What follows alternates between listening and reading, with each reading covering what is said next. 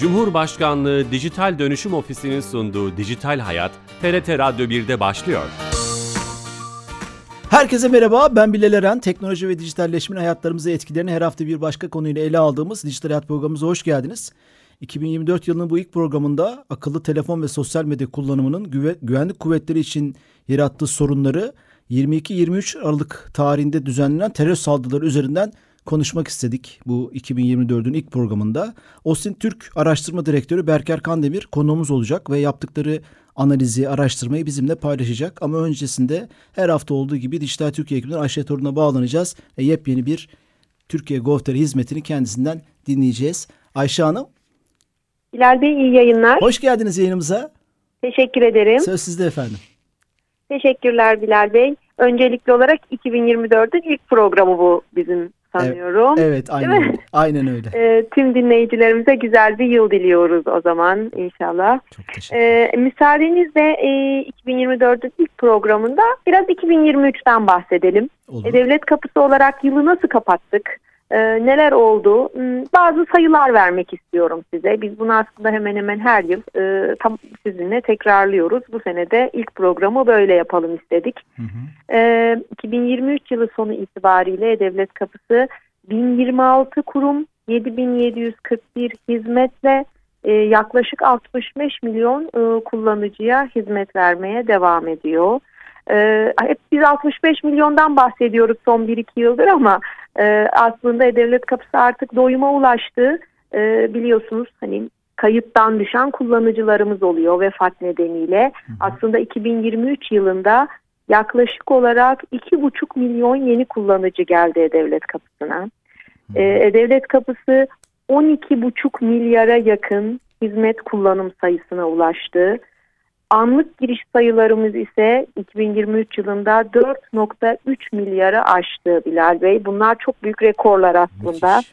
Ee, dünya üzerinde uluslararası platformlarda gateway dediğimiz e, bu şekilde hizmet sunan ülkelerin e, kullanım sayılarına baktığımızda e, ciddi bir rekor var. Belki bizim nüfusumuzla ya da E-Devlet kapısına entegre ettiğimiz hizmetlerle de ilgili.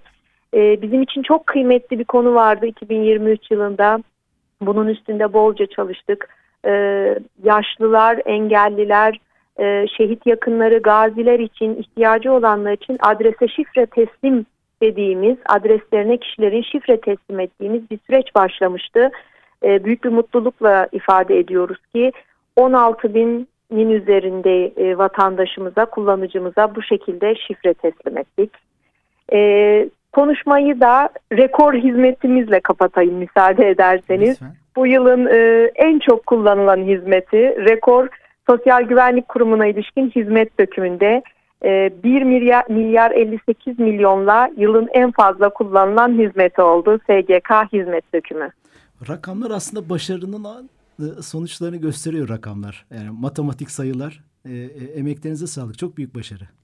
Teşekkür ediyorum Bilal Bey. İyi yayınlar diliyorum. Sağ olun. Çok teşekkürler. Evet Türkiye GovTR'nin 2023 rakamlarını, öne çıkan rakamlarını Ayşe Torun'dan dinledik. Yeni katılan dinleyicilerimiz vardır. Osin Türk Araştırma Direktörü Berker Kandemir ile beraberiz. Berker Bey, Merhabalar, hoş geldiniz yayınımıza.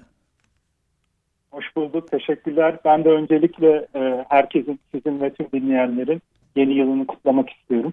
Çok teşekkürler. Ve, Çok naziksiniz. Ayrıca e, bu bu radyoda olmak ve sizin gibi bu, bu değişimin nabzını tutmaya çalışan bir programa katılmak hem benim kendi adıma hem de Osim Türk olarak bizim adımıza onur verici. Estağfurullah çok naziksiniz.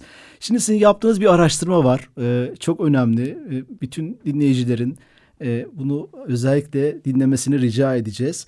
E, bu araştırmayı konuşacağız. Ama ilk önce belki hiç bilmeyenler için, gerçi biz bu konuda bir program yapmıştık ama tekrarlamakta fayda var. OSINT ne demek? Yani hem araştırma ekibinizin ismini alan açık kaynak istihbaratı olarak çevrilen Türkçe'ye. OSINT ne demek? Kısaca bundan bahseder misiniz? OSINT, e, OSINT e, aslında İngilizce bir terim. E, Open Source Intelligence. Türkçesi bunun açık kaynak istihbaratı olarak ortaya çıkıyor. Burada e, bir yapılan çalışmanın, istihbaratı çalışmanın herkes tarafından erişilebiliyor olması önemli açık kaynak dediğimizde. Yani bu metodunu bilen, nereye gitmesi gerektiğini bilen herkes internet ortamını kullanarak açık kaynak istihbaratı yapabilir.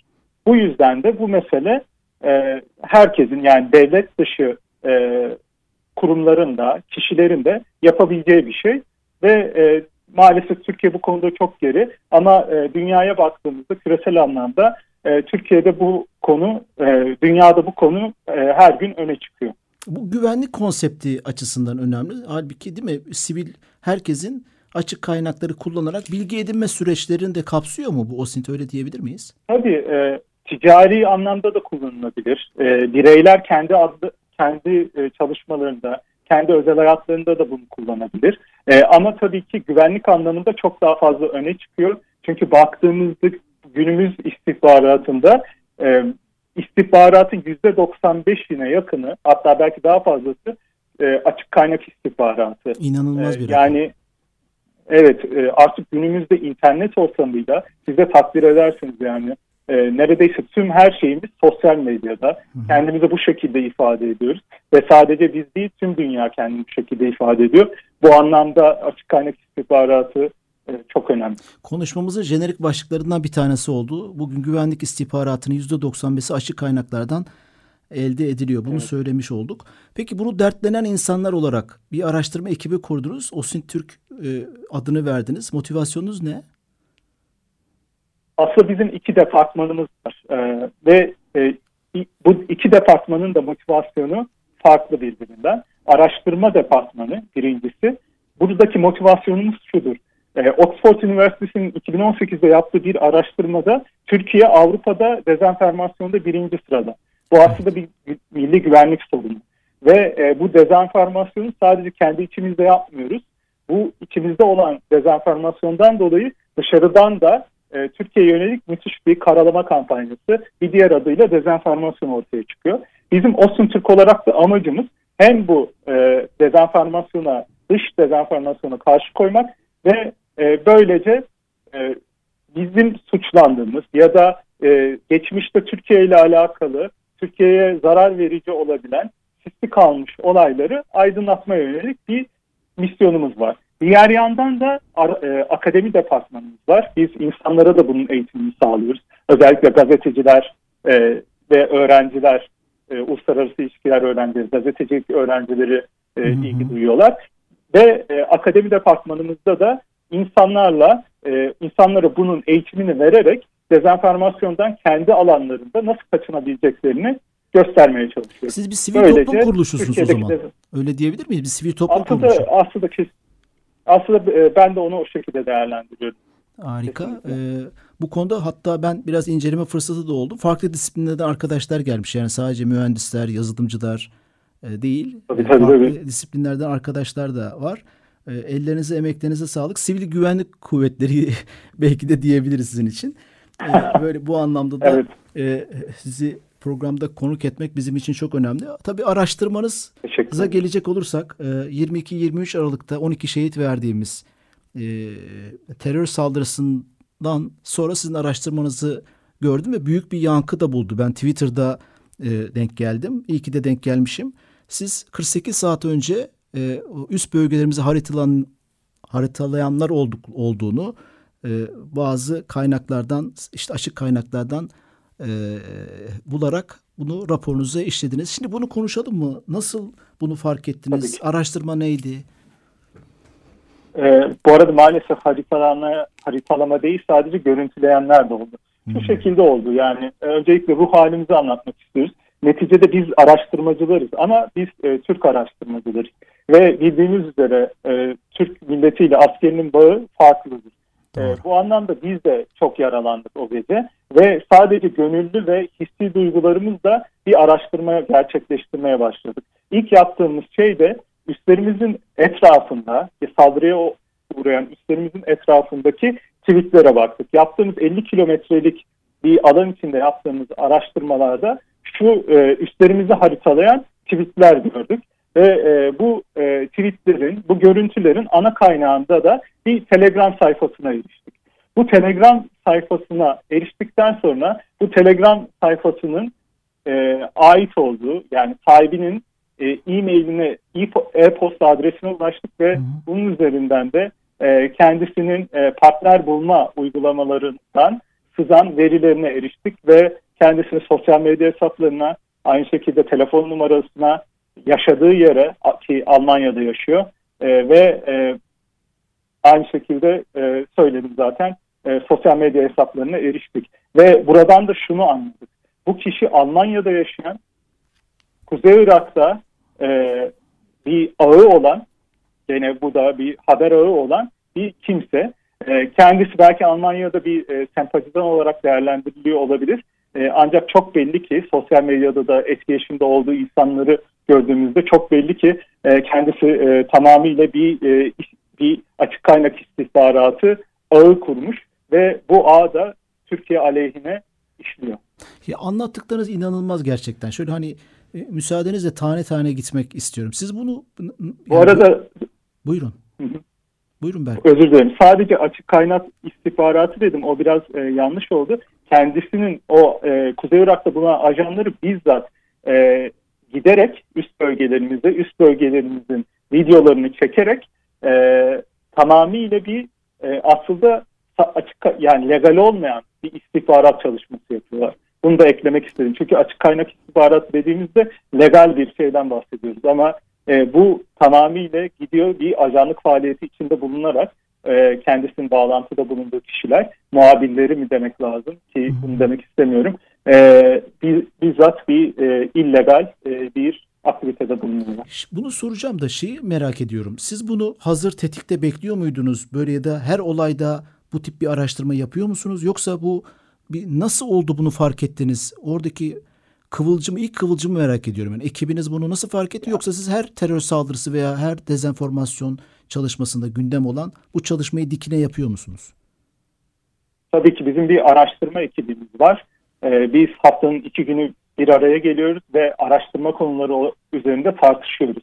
Ee, ya da gündem konusu, gündem konuları hakkında tartışıyoruz. Hala gündemimizde olan e, işte Türk diplomatlarına Amerika'da saldıran Ermeniler dosyası var ve farklı bir sürü dosya var bunun gibi. Hı hı. E, ancak bu mesele çok önemliydi çünkü bizi çok yaraladı insani olarak ve e, tabii ki bu bir e, terör saldırısı ve biz kendimizi sorumlu hissediyoruz e, askerlerimize, milletimize karşı bu OSİM Türk olarak ve bu anlamda hemen bir tepki, bir reaksiyon koyduk ortaya. Bir şey o vardı bunun arkasında mutlaka diyerek başladınız. Bir araştıralım bakalım. Tabii ki. Öyle, böyle anlıyorum. Tabii ki. Bu, bu önemli. Evet, evet, evet. Sonra bu e, araştırma sonucunda yavaş yavaş ipuçlarına ulaştınız. E, e, bu evet. e, şeyleri sızdıran kişi, bir kişiden bahsediyoruz. O zaman bu işi bilerek evet. yapıyor. Yani rastgele değil, e, üstleri evet, fotoğraflamak, haritalamak, görselleştirmek ve evet. ilgili teröristlere bu bilgileri aktarmak üzerine mi eğitilmiş? Bunu mu anlıyoruz buradan? Tabii ki. Ben bu, biz bunu değerlendiriyoruz. Bulgularımız bu yönde. Kesinlikle. Evet. Önemli. Yani kendisi Almanya'da ve e, Kuzey Irak'ta ya da farklı yerlerde de bir ağı var, şebekesi var. Bu ajan şebekesiyle sürekli üstlerimizi fotoğraflıyor e, ve sürekli e, bize zarar verici e, faaliyetlerde bulunuyor. Görevi bu yani. Görevi bu. Belki daha önce de yaptı. Bundan evet. sonra da yapılacak. Eğer bu evet. Işte, biz, e, buyurun. Biz kişinin bilgilerini e, ilgili zaten devlet kurumlarımıza verdik. Umuyoruz ki kendisinin bir daha bu faaliyetleri yapmasına izin vermeden e, Türk adaletinde e, bu bu bu faaliyetlerden alıkonulması Onu, e, ve e, cezai işleminin olması. Onu soracağım. Peki bu e, hangi teknolojileri kullanmış görüntülerken, fotoğraflama işlemi yaparken? Dediniz ki mesela tweetleri, atılan tweetleri görmüş. Bunlar teknik olarak nasıl mümkün? Biraz öyle biraz bilgi verebilir miyiz teknik anlamda? E, o kişinin kullandığı şeyler e, e, açık kaynak hı hı. E, şu şekilde oluyor. E, örneğin bizim e, askerlerimizin ya da oradaki köylülerin sosyal medya üzerinden yayınladıkları videolar, paylaşımlar aracılığıyla e, ve ayrıca kendi şebekesinin bizzat üst bölgelerinize gidip fotoğraflamasıyla bir e, bir bulgu oluşturuyor ve bu, bu muhtemelen bu bulgularını ve daha fazlasını yayınlamadığı daha fazlası da vardır. Bunları terör örgütüyle paylaşıyor bu kişi. Ve bu da bizim askerlerimize bir zarar olarak e, geliyor. Sadece, yani bir teknoloji kullanmıyor aslında. E, sadece internet üzerinde herkes tarafından erişilebilir bilgileri tarayıp bunlar bundan bir istihbarat, bir e, bulgu bulguya erişiyor ve bu da bunun e, çalışması oluyor. Çok çok enteresan. Çok aslında teknik olarak çok uzmanlık gerektirmeyen e, bir işten bahsediyoruz ama Metot, yaptığı. evet. Peki bizim asker Evet, hangi askerimizin nerede olduğunu nasıl anladığı bu, bununla ilgili bilgi var mı? E, bununla alakalı bir bilgimiz yok yani asker bazında. Yok karşı Ancak, taraftaki e, o e, bu teröristin bizim e, üst bölgelerimizdeki askerlerin hangi askerin hangi üst bölgesinde olduğu onların paylaşımlarını mı kontrol ettiği Tabii. yoksa bu, bunu Evet, teknik evet. olarak sosyal medya üzerinden nasıl yapabiliyoruz? Evet, şu şekilde yapıyor. Mesela örneğin e, asker e, e, bir video çekiyor, TikTok videosu çekiyor ya da farklı bir sosyal mecraya yüklemek adına bir video çekiyor. Arkasındaki dağlardan e, orada e, orada jeolokasyon çalışması yaparak ve aynı şekilde e, askerin kimlik bilgilerinden, askerin etrafındaki e, diğer arkadaşlarından, silah arkadaşlarından veya e, orada askerin yanlışlıkla gösterdiği mühimmattan ya da e, İnanılmaz. nevzi bilgilerinden e, birçok bilgiye erişiyor. Yani üstlerimizin nerede olun, olduğu biliniyordur zaten.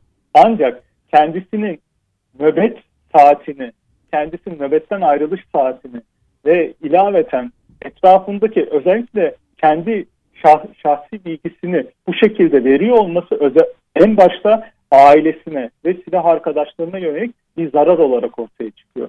Çünkü e, bu sadece bu görüntüden yani keşke biz e, yazımızda bunu değinmiştik. Keşke bizimle bir gün geçirebilse askerlerimiz ve ne demek istediğimizi anlayabilecekler. Biz kendi çalışmalarımızda e, bu tarz sızan bilgilerden birçok şeye erişebiliyoruz. Birçok bilgiye erişebiliyoruz. Ve e, aslında bizim yaptığımız çalışmanın temel istihbarat kaynağı da bu tarz e, şahsi paylaşımlar oluyor. Yani şunu soracağım. Bir kullanıcı adıyla e, zincirleme olarak birçok hesaba veya bir e-mail adresinden bir fotoğraftan birçok hesaba basit açık kaynak istihbarata erişilebiliyor. Bunu çok, çok net bir şekilde söylüyorsunuz. Şunu da anlıyorum. Yaptığımız paylaşımlar bireysel olarak da bize de aslında bir uyarı niteliğinde bu. Yaptığımız çalı- yaptığımız paylaşımlarda herhangi bir sosyal medya mecrasında lokasyon filtrelemesiyle karşı taraf bizim nerede olduğumuzu en azından e, belli metriklerle bulabilecek yetenekleri veriyor sosyal medya. Yani bu şahıs terörist şahıs Evet. e, e, sanırım Instagram'da, TikTok'ta veya başka e, sosyal medya platformlarında lokasyon filtrelemesiyle üst bölgelerini bildiğine göre o filtrelemeyle burada atılan içerikleri gördü ilk başta. Böyle mi başlamıştır? Biraz teknik bir soru sordum Evet. ama. Evet, evet, evet. e, yok e, gayet bu şekilde. E, kendisi de muhtemelen günlük bazda bu paylaşımları takip ediyor sosyal medyada bu lokasyon filtrelemesiyle ve buradan bir e, bilgi çıkarıyor, bir bulgu çıkarıyor. Orada mutlaka Aynen, ağa takılan insanlar oluyor. İşte askerlerimiz de buna dahil. Ee, ve oradan aslında kullanıcı adı veya e-postası, fotoğrafı, bilgileri, ismi neyse artık onlarla başka bilgileri de erişiyor ve zincirleme aslında bir dosya oluşturuyor. O dosyadan da çok basit bir analiz okumasıyla bazı bulgulara erişiyor anladığım kadarıyla. Evet, bir de bu e, askerlerimizin bulunduğu yerler hem e, Irak'ta hem Suriye'de daha çok izbe, e, yerleşim yerinin olmadığı yerler olduğu için e, o filtrelemeyi yaptığında neredeyse ilk karşısına çıkan şey muhtemelen askerlerimizin videosu oluyor. Aynen. E, yani mesela örneğin New York'ta bir çalışma yapsak e, ya da İstanbul'da bir çalışma Milyonlarca yapsak, içerik çıkar. arasında- tabii ki. Tabii ki aynen. E, ama e, şimdi Kuzey Irak'ta yaparken belki günde 15-20 tane çıkıyor. Belki daha az çıkıyor.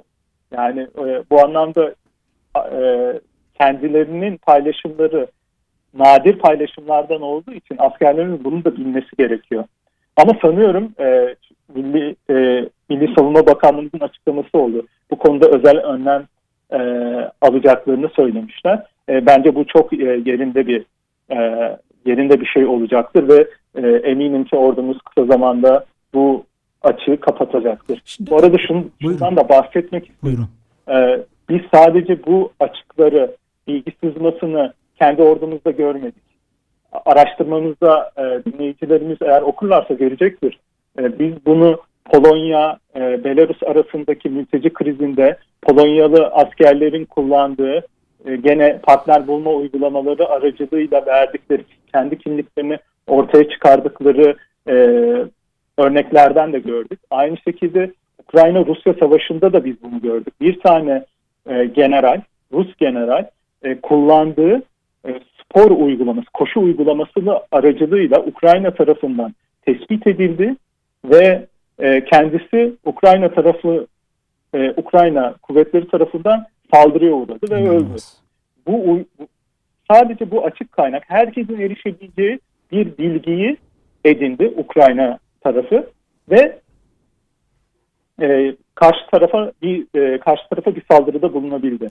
Bu anlamda çok dikkatli olmamız gerekiyor. Sadece e, TikTok e, veya e, X veya farklı sosyal medya değil. Yani kullandığımız her e, her internet sitesinde veya her uygulamada e, sürekli olarak kendi şifrelerimizi sürekli olarak yenilememiz gerekiyor.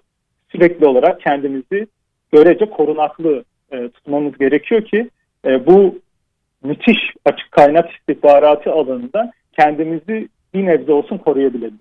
Yani artık bunun şaka olmadığını daha hangi araştırma bu kadar net söyleyebilir bilmiyorum. Ben soracaktım aslında.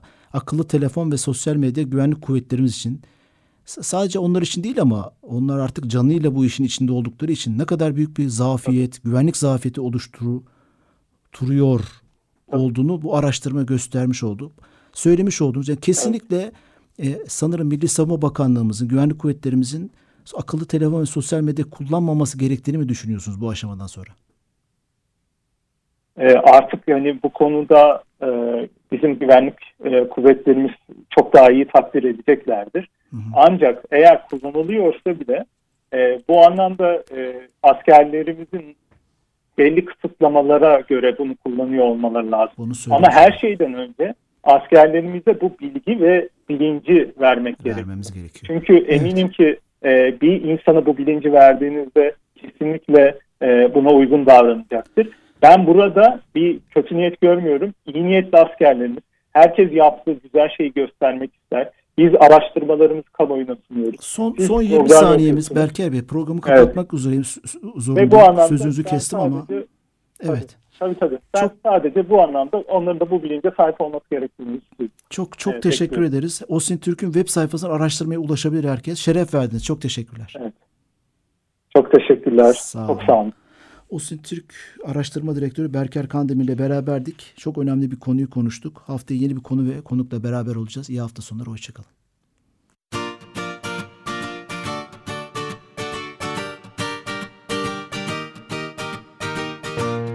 Cumhurbaşkanlığı Dijital Dönüşüm Ofisi'nin sunduğu Dijital Hayat, TRT Radyo 1'de sona erdi.